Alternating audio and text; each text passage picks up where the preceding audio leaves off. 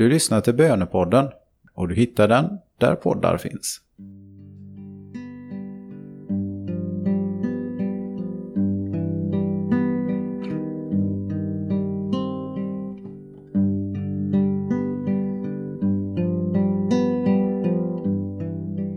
Nu är det tid att söka en stunds stillhet och höra Guds ord. Låta Guds ord tala till ditt djup och möta den levande guden. Nu är det tid för bön och om våra hjärtan är öppna så kan Guds ord förnya och förvandla oss. Låt oss be.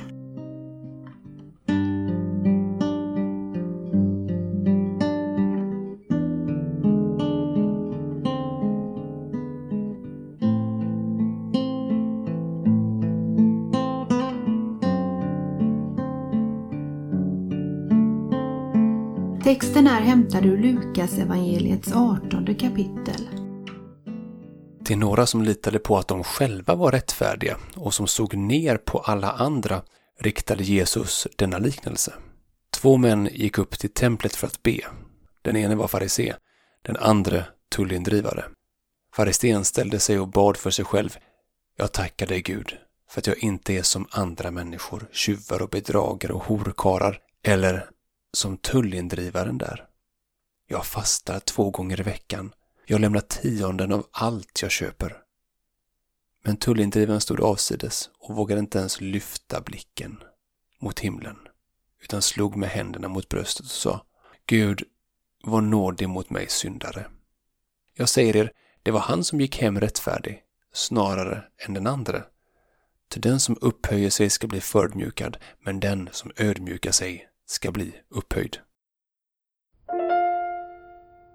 Två bedjare närmar sig Gud. Den enes bön upphöjs till himlen, men den andra lämnar inte marken. Fariséns bön är inte riktad till Gud, den är riktad till jaget. Hans bön handlar bara om att upphöja sig själv i jämförelse med tullindrivaren. Varför gör han så tror du?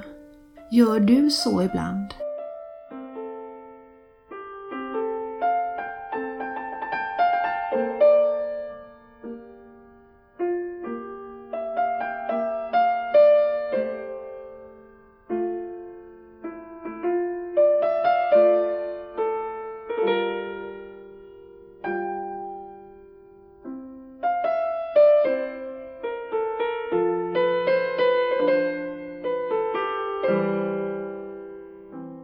Gud är intresserad av en enda sak och det är ett uppriktigt hjärta.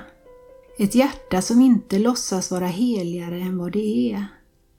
Ett hjärta som jämför sig med den enda som är värd att jämföra sig med, nämligen Herren själv, kan bara landa i tullindrivarens bön. Gud var nådig mot mig syndare. Vad tänker du om detta? Finner du frid i en sådan insikt? Att du inte är bättre än någon annan? Eller tycker du det är problematiskt? Vågar du vara ärlig med Herren om dina tankar och känslor över detta?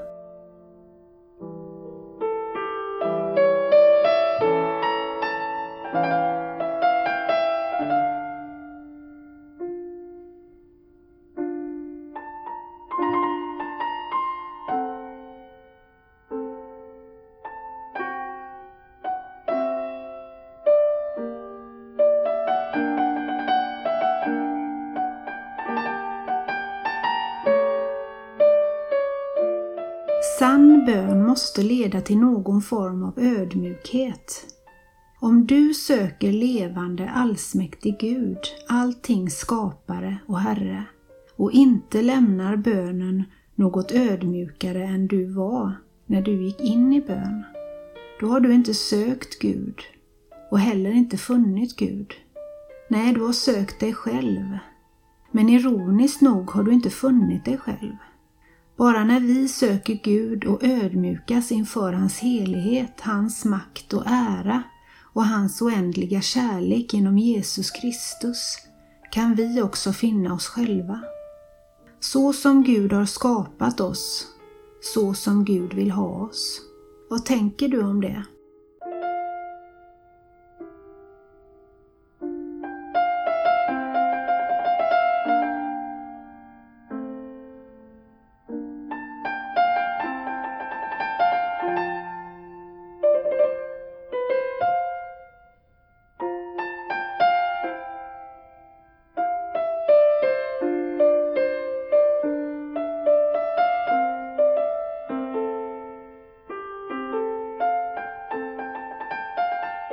Vi lyssnar till texten en gång till.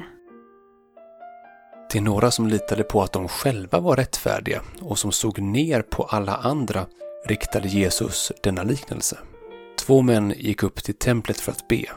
Den ene var farisé, den andra tullindrivare. Farisén ställde sig och bad för sig själv.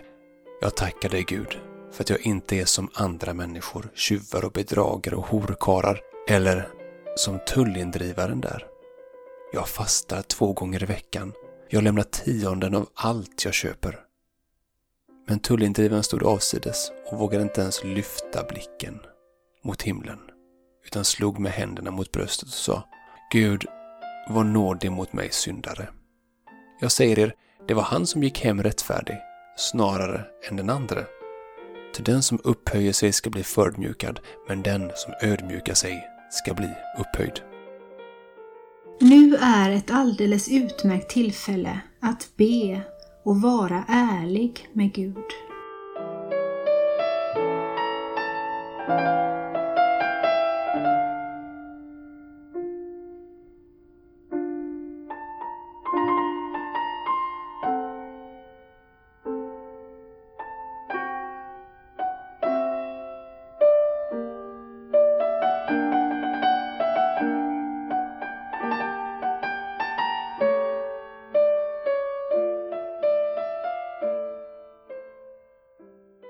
Ära vare Fadern och Sonen och den helige Ande, så som det var av begynnelsen, nu är och skall vara, från evighet till evighet. Amen.